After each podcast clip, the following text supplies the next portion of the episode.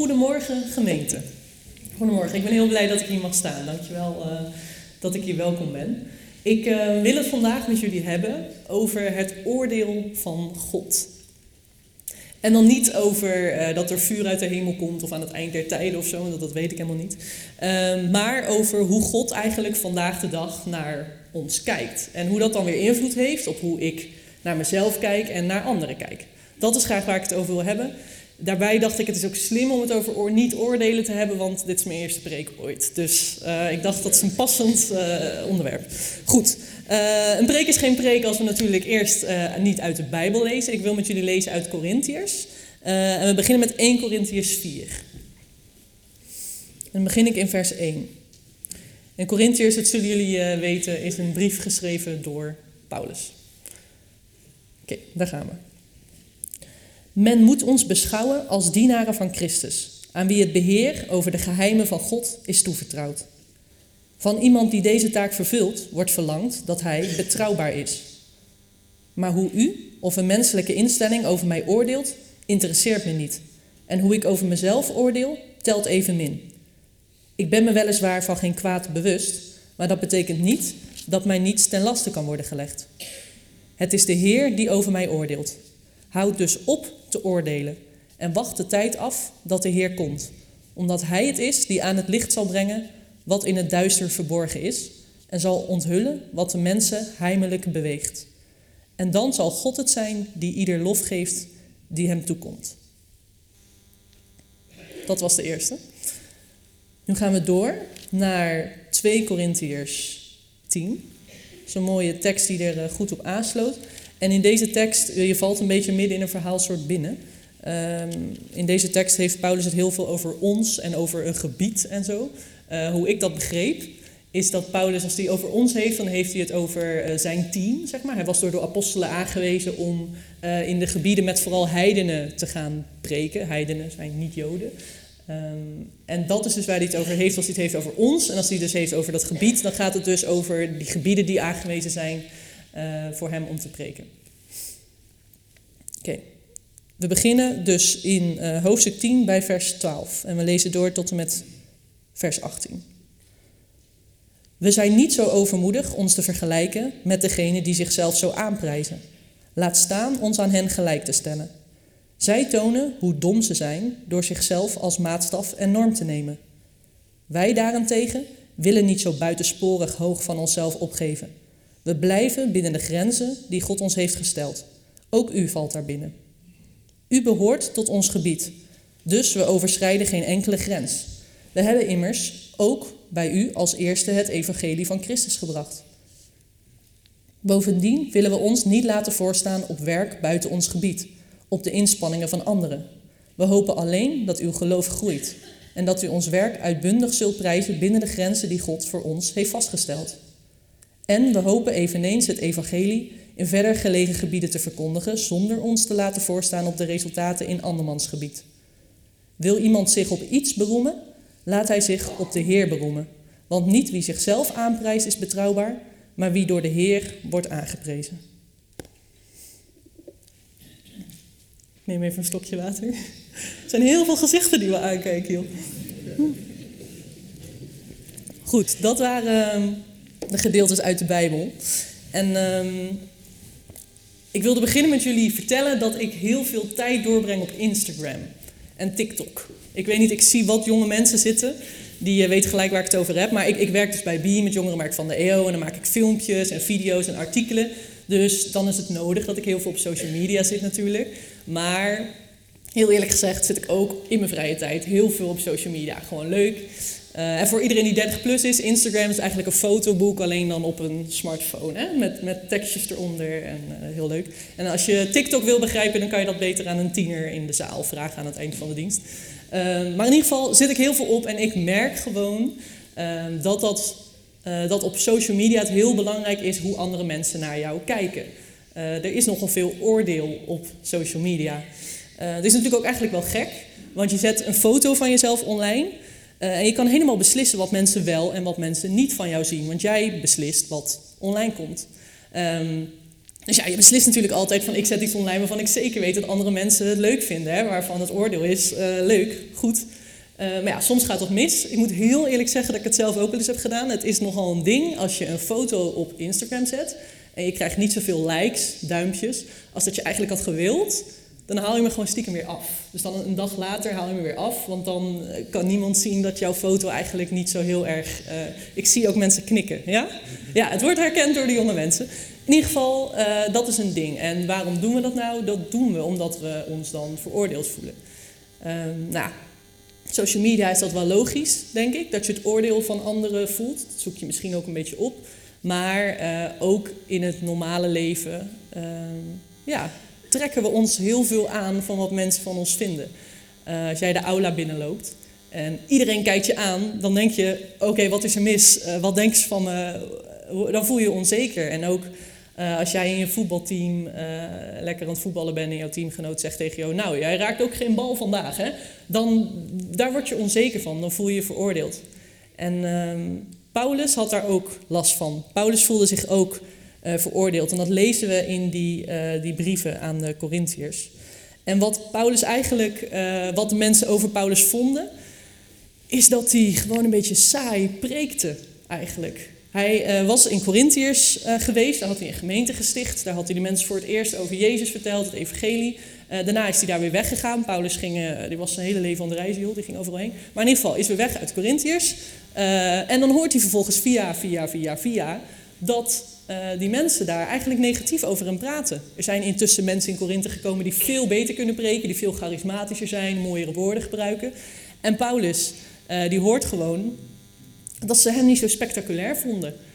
Um, en ergens hebben die mensen in Korinthe misschien een punt, want uh, het is een keer gebeurd, het staat in handelingen, dat Paulus aan het preken was. En dat dat zo lang duurde dat iemand in slaap viel. En die zat in een raam en die viel toen drie verdiepingen naar beneden. Dus misschien hebben ze een punt dat hij niet heel spectaculair preekt. Maar is natuurlijk niet leuk om dat te horen. En wat ik dus interessant vind, is dat Paulus zich daar gewoon helemaal niks van aantrekt. Hij zegt niet van, joh, stop eens met mij over mij praten. Of hij zegt dat het hem niks uitmaakt, dat hij zich er niks van aantrekt. En uh, zijn reactie is dat het geheim van het evangelie is dat God oordeelt over dat wat verborgen is. Dat vond ik best wel een lastige zin toen ik hem voor het eerst hoorde, dus ik zeg hem nog een keer. Hij zegt dus dat het geheim van het evangelie is dat God oordeelt over dat wat verborgen is. En daar vindt hij een soort van zijn rust in. Uh, want God, die oordeelt over ons allemaal, ook over Paulus, maar God oordeelt via het kruis. En in Romeinen 2 staat ook dat God oordeelt door Jezus Christus. En wij weten natuurlijk wat Jezus Christus voor ons heeft gedaan. Die heeft onze straf gedragen, die is aan het kruis gegaan zodat wij vrij van oordeel kunnen zijn. En dat vind ik mooi, dat Paulus dus niet denkt van, oh nee, die mensen denken van alles over me, ik moet me gaan aanpassen, of ik moet daar terugkomen en veel charismatischer overkomen, of ik moet een hele boze brief schrijven. Nee, hij zegt, het boeit me eigenlijk niet wat mensen van mij denken. Het enige wat mij boeit is hoe God over mij denkt en ik weet hoe God over mij denkt, want hij ziet mij door Jezus Christus. Dat vind ik een hele mooie gedachte. Um, en wat in, dat tekst, wat in die tekst ook terugkomt, over dus het geheim van het evangelie is dat God oordeelt over dat wat in het verborgene is. Dat vond ik ook nog interessant, want dat verborgene, ik was met Pieter over nadenken van wat wordt er dan mee bedoeld. Want dat is natuurlijk niet uh, wat je op Instagram zet. Of dat is niet wat mensen in de aula zien van jou, wat in het verborgen is. Dat, is natuurlijk, dat zijn de dingen waar je over nadenkt als je s'avonds in je bed ligt uh, en, en zit te piekeren over iets. Of als je schaamt. Of, of, dat, dat zijn de dingen die verborgen zijn, maar ook die ziet God. En ook daar heeft hij een oordeel over door Jezus Christus, die voor ons is gestorven. Vond ik mooi. En uh, wat Paulus dus eigenlijk zegt over andere mensen die jou en die mij veroordelen is, kan me niks schelen, ik hoor bij God, God oordeelt mij, hij houdt van mij. Dat is hoe hij erover denkt. Maar uiteraard heeft hij meer te zeggen dan dat. Um, het is namelijk ook zo dat hij in de tekst benoemt dat hij geen oordeel heeft over zichzelf. Dus hij trekt zich niks aan van het oordeel van anderen. Maar hij heeft ook geen oordeel over zichzelf. En dat vond ik wel een interessante. Want ik heb dat wel. En ik denk eigenlijk dat u dat ook allemaal wel heeft. Um, voorbeeldje. Uh, vorige week uh, was ik de hele dag aan het werk geweest. Uh, op de redactie. Altijd heel druk en chaotisch. Heel leuk werk. Maar ook heel druk. En ik had een artikel geschreven over bidden en wat het nut daarvan is. En er waren ook een aantal jongeren die hadden ons via WhatsApp vragen gesteld van hoe werkt de Heilige Geest en moet ik me laten dopen en allemaal hele geestelijke vragen waar ik hopelijk goed antwoord op heb gegeven. Ehm, en toen kwam ik s'avonds thuis en toen lag ik in mijn bed en toen kon ik niet slapen. Het zat allemaal in mijn, in mijn hoofd, zat alles nog. En uh, toen ging ik even bidden en daar word ik altijd rustig van. En dat was het eerste moment die dag dat ik bedacht... Ik ben gewoon de hele dag nog helemaal niet met God bezig geweest. Ik, ben wel, ik heb wel over hem gepraat en ik heb mensen over God soort van verteld. Maar ik heb nog helemaal geen moment deze dag gehad dat ik zelf soort van een connectie had met God. Toen dacht ik, ja, wat is dat nou voor iets slechts? Dan vertel ik mensen over God en dan, dan heb ik helemaal geen connectie met hem. Dat is eigenlijk best wel slechte christen, voelde ik mezelf. Um, en dat gebeurt me meerdere keren per dag op allerlei andere manieren. Maar in ieder geval, ik had een negatief oordeel over mijzelf. En ik denk dat u dat wel herkent. Ehm, maar wat interessant is, is dat Paulus in die tekst, dat hij juist zegt dat mensen te positief over zichzelf denken. Dus dat mensen trots zijn, dat ze ehm, zichzelf boven anderen zetten. Want het is natuurlijk niet erg om positief over jezelf te denken, dat is best wel goed en gezond. Maar als je te positief over jezelf denkt en dat wordt trots, trots is natuurlijk iets wat andere mensen naar beneden duwt. Hè? Trots is iets uh, waardoor je jezelf boven anderen zet. En dat keurt Paulus af. Daarvan zegt hij dat is ook niet de bedoeling. Maar ja, had ik die tekst gelezen, dacht ik je mag niet te negatief over jezelf denken, je mag niet te positief over jezelf denken. Wat is er dan nog over? Hoe moet ik dan over mezelf denken?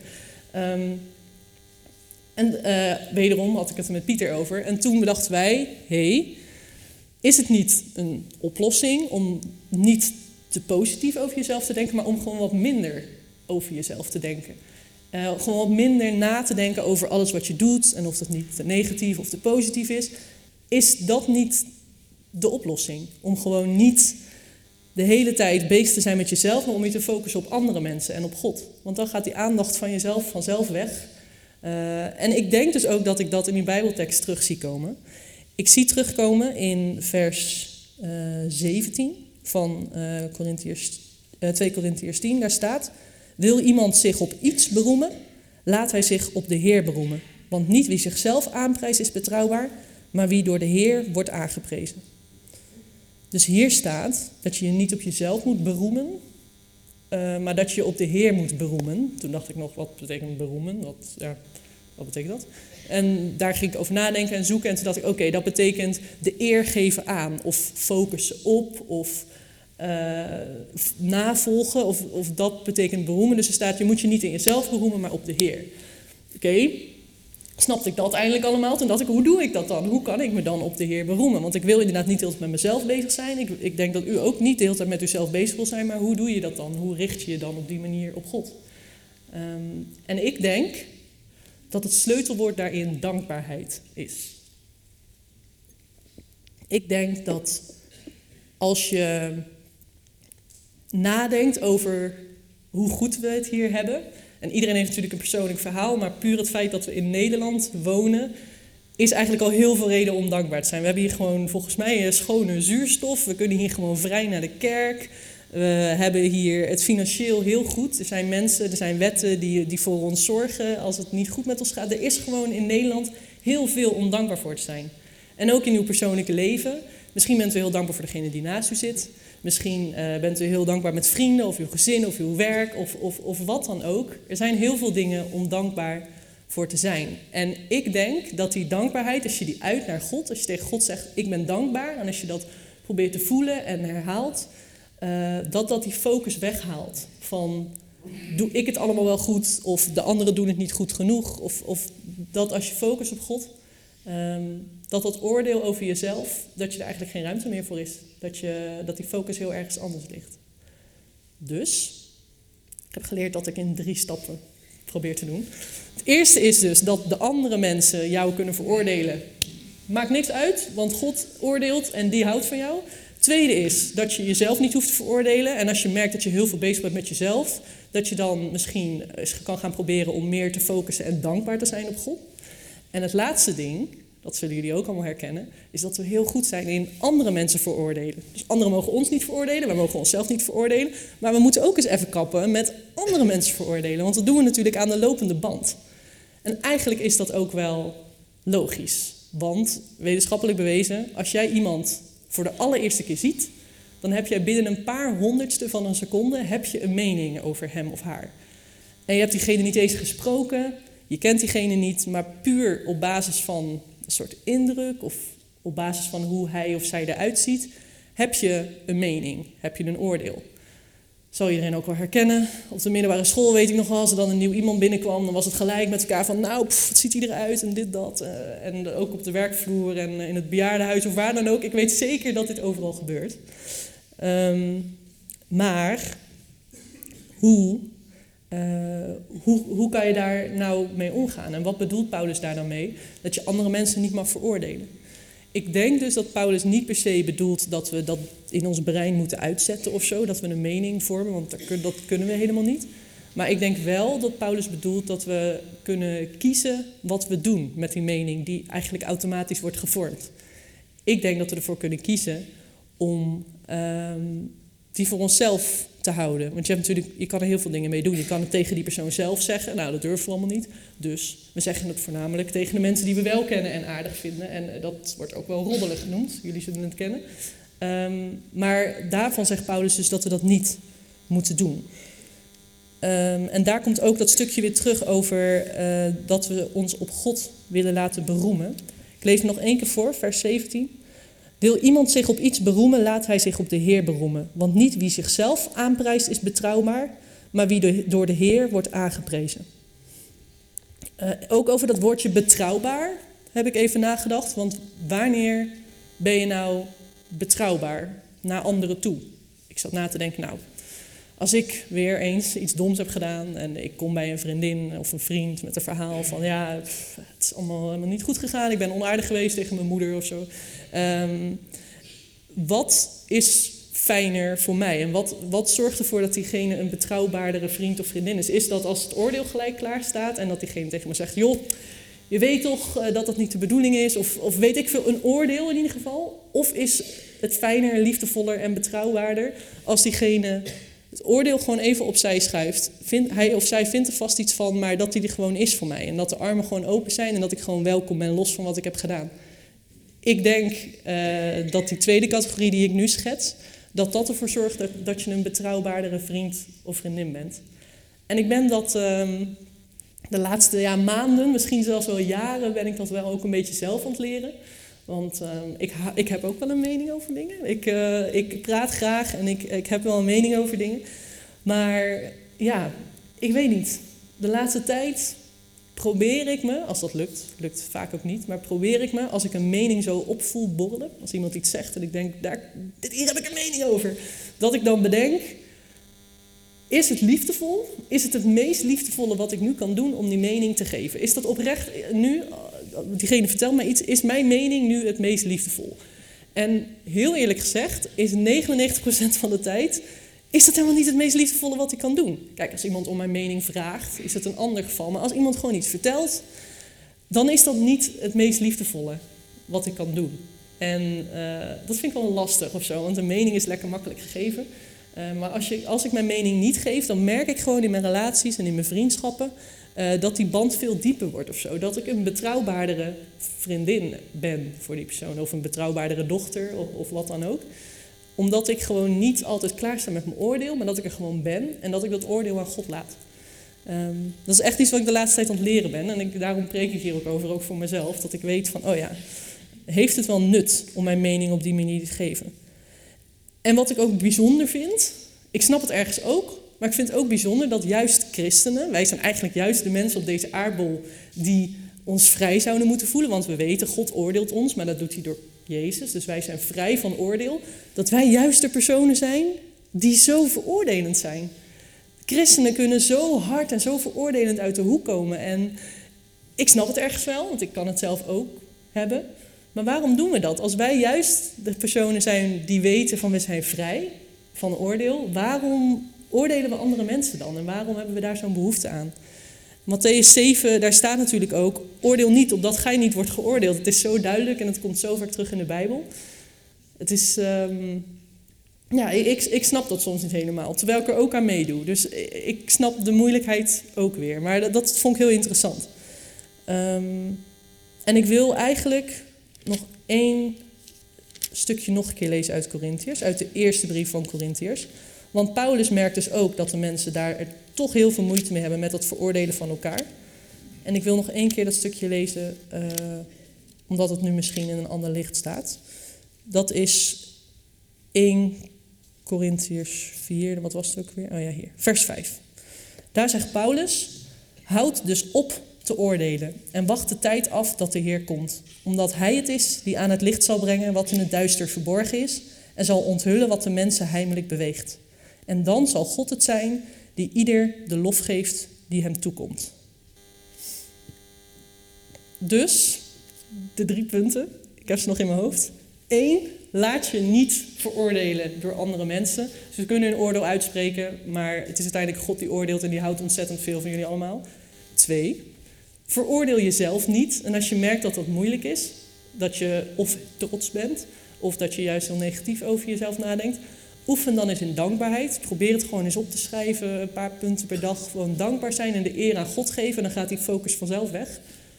En de derde is, probeer ook andere mensen niet te veroordelen. Want dat is aan God, dat is niet aan ons. En uh, wat daarbij helpt is dus denken aan die tekst, oordeel niet opdat gij niet wordt veroordeeld. Goed.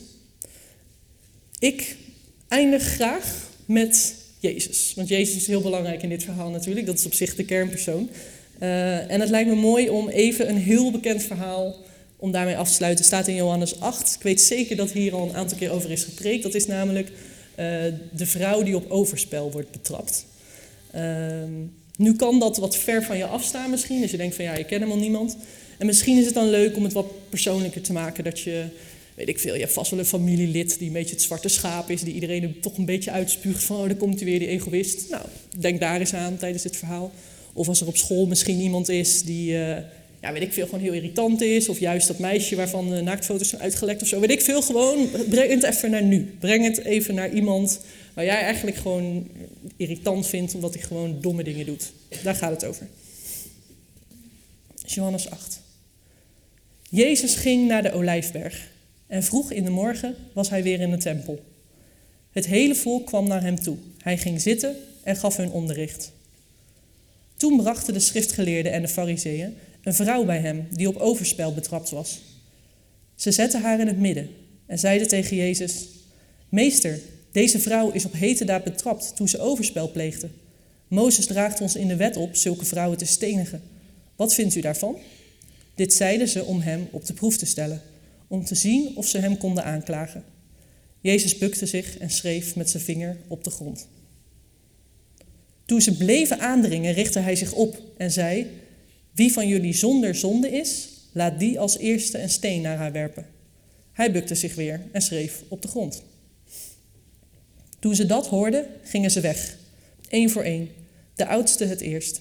En ze lieten hem alleen achter, met de vrouw die in het midden stond. Jezus richtte zich op en vroeg haar: Waar zijn ze? Heeft niemand u veroordeeld? Niemand, Heer, zei ze. Ik veroordeel u ook niet, zei Jezus. Ga naar huis en zondig vanaf nu niet meer. Ik wil graag nog even met jullie bidden.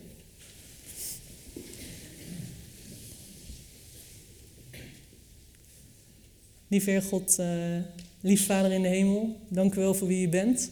Dank u wel dat u een, uh, een, goede God bent die van ons allemaal houdt. Heer, dank u wel ook voor dit moment. Heer, dat is een beetje een gek moment dat ik hier opeens voor deze kerk sta. Heer, um, ja, ik wil vragen om de dingen die ik net heb gezegd. Heer, die ook voor mezelf nog zo'n groot leerpunt zijn, maar ook vast voor mensen hier in de zaal. Ik wil vragen of u ons daarbij wilt helpen. Heilige Geest, ik wil vragen of u door ons wil werken en steeds duidelijker, uh, dat we steeds duidelijker krijgen dat het niet aan ons is om te oordelen. En misschien is de stap daarvoor nog wel belangrijker dat wij ook gewoon weten dat we niet veroordeeld worden. Dat we weten dat Jezus alles voor ons heeft gedragen en dat Hij onze straf op zich heeft genomen. Wilt u ons helpen om daar bewust van te zijn en dat te beseffen? En daar zijn we u ook zo ontzettend dankbaar voor. Daar wil ik u voor bedanken, Jezus, dat u uh, dat allemaal voor ons als individu en voor ons als gemeente en voor ons als land en als wereld, dat u dat heeft gedaan. Heer, ik. Ik wil vragen dat alle dingen die ik heb gezegd, dat er misschien hier en daar wat ehm, uh, geland is bij mensen, wilt u zorgen dat dat de komende dagen gewoon nog lekker blijft borrelen en dat iedereen eruit haalt wat hij of zij eruit moet halen. En ehm, ik wil u ook bedanken voor dit moment. Ik wil vragen of u de dingen die verkeerd zijn, of u die wilt vergeven en eh, of u ons wilt zegenen in de naam van Jezus. Amen.